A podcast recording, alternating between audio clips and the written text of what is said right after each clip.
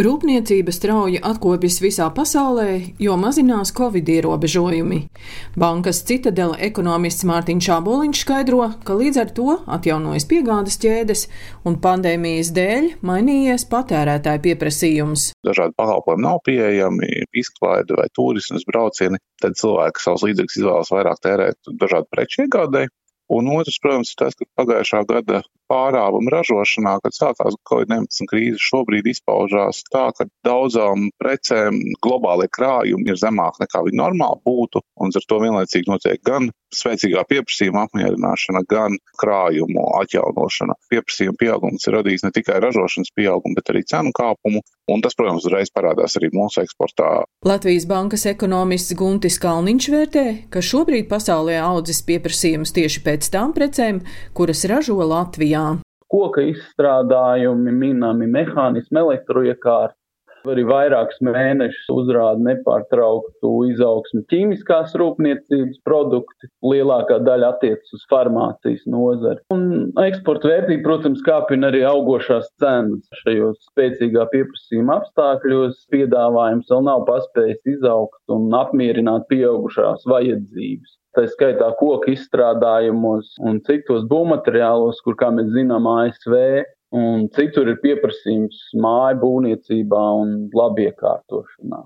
Pakalpojumos, protams, ir pavisam cits stāsts. Pirmā ceturksnī nekādu uzlabojumu nav, pasažieru lidojumi joprojām ir ierobežoti. Tas, protams, atkarīgs ir no vakcinācijas. Ceram, ka jau gada otrajā pusē varētu kaut kāda atjaunošanās notikt.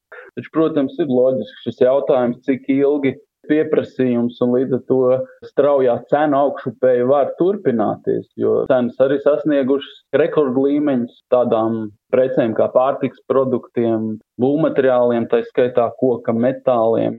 Bankas citadela ekonomists Mārtiņš Āboliņš vērtē, ka šogad eksporta izaugsme turpināsies. Tuvākajā pusgads līdz gads pieaugumam vajadzētu turpināties, jo kaut kāda apsteidzoša rādītāja par jauniem rūpniecības pasūtījumiem, par eksporta pasūtījumiem pagaidām ļoti spēcīgi izaugsmu signalizē.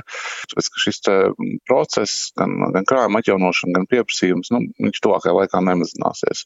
Protams, tad, kad lielākā daļa valsts jau spēs mazināt kaut COVID-19 saistītos ierobežojumus, atjaunosies pakalpojumu pieejamība. Iespējams, mēs redzēsim, ka patērijas struktūra mainās. Ja mēs šogad pastiprināti visi remontējam dārza mājas vai dzīvokļus vai nopērkam kādu elektropreci, tad visticamāk mēs nākamgad un aiznākamgad to tikpat daudz nedarīsim. Un tad tas pieprasījums pēc precēm varbūt nekritīsies, bet viņš varētu vairs tik strauji neaugt. Tāpēc nākamais aiznākamais gads, es domāju, mēs varētu redzēt, ka tas eksporta pieaugums ir pat lēnāks nekā ekonomikas kopējais pieaugums. Atkopšanās notiek ar ļoti lielu valsts atbalstu. Arī Latvijā šogad prognozētais deficīts 9% no IKP.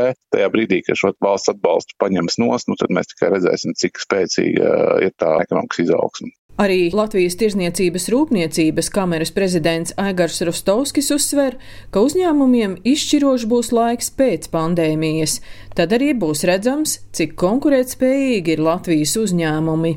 Nu, es domāju, ka tad mēs to bildi ieraudzīsim tādu nedaudz realistiskāku, jo, protams, ka tādā situācijā ļoti mērķēt un precīzi trāpīt atbalstu tur, kur viņi ir vajadzīgi, to ir pat ļoti sarežģīti. Tas, ko ir sapratusi pasaule savā ziņā, ka paļauties uz piegādēm, kas ir no ļoti tālām zemēm, paliek ar kaut kādu zināmu riska elementu. Līdz ar to viens otrs pasūtītājs teiks, ok, es esmu gatavs maksāt varbūt dārgāk, bet es gribu, lai tā piegāde ir stabilāka. Tās ir tās lietas, kam jāseko līdzi. Tur tāda viena padoma nav. Tur katrā nozarē ir savas detaļas un nianses. Tas ir kā stāsts par to konkurētspēju.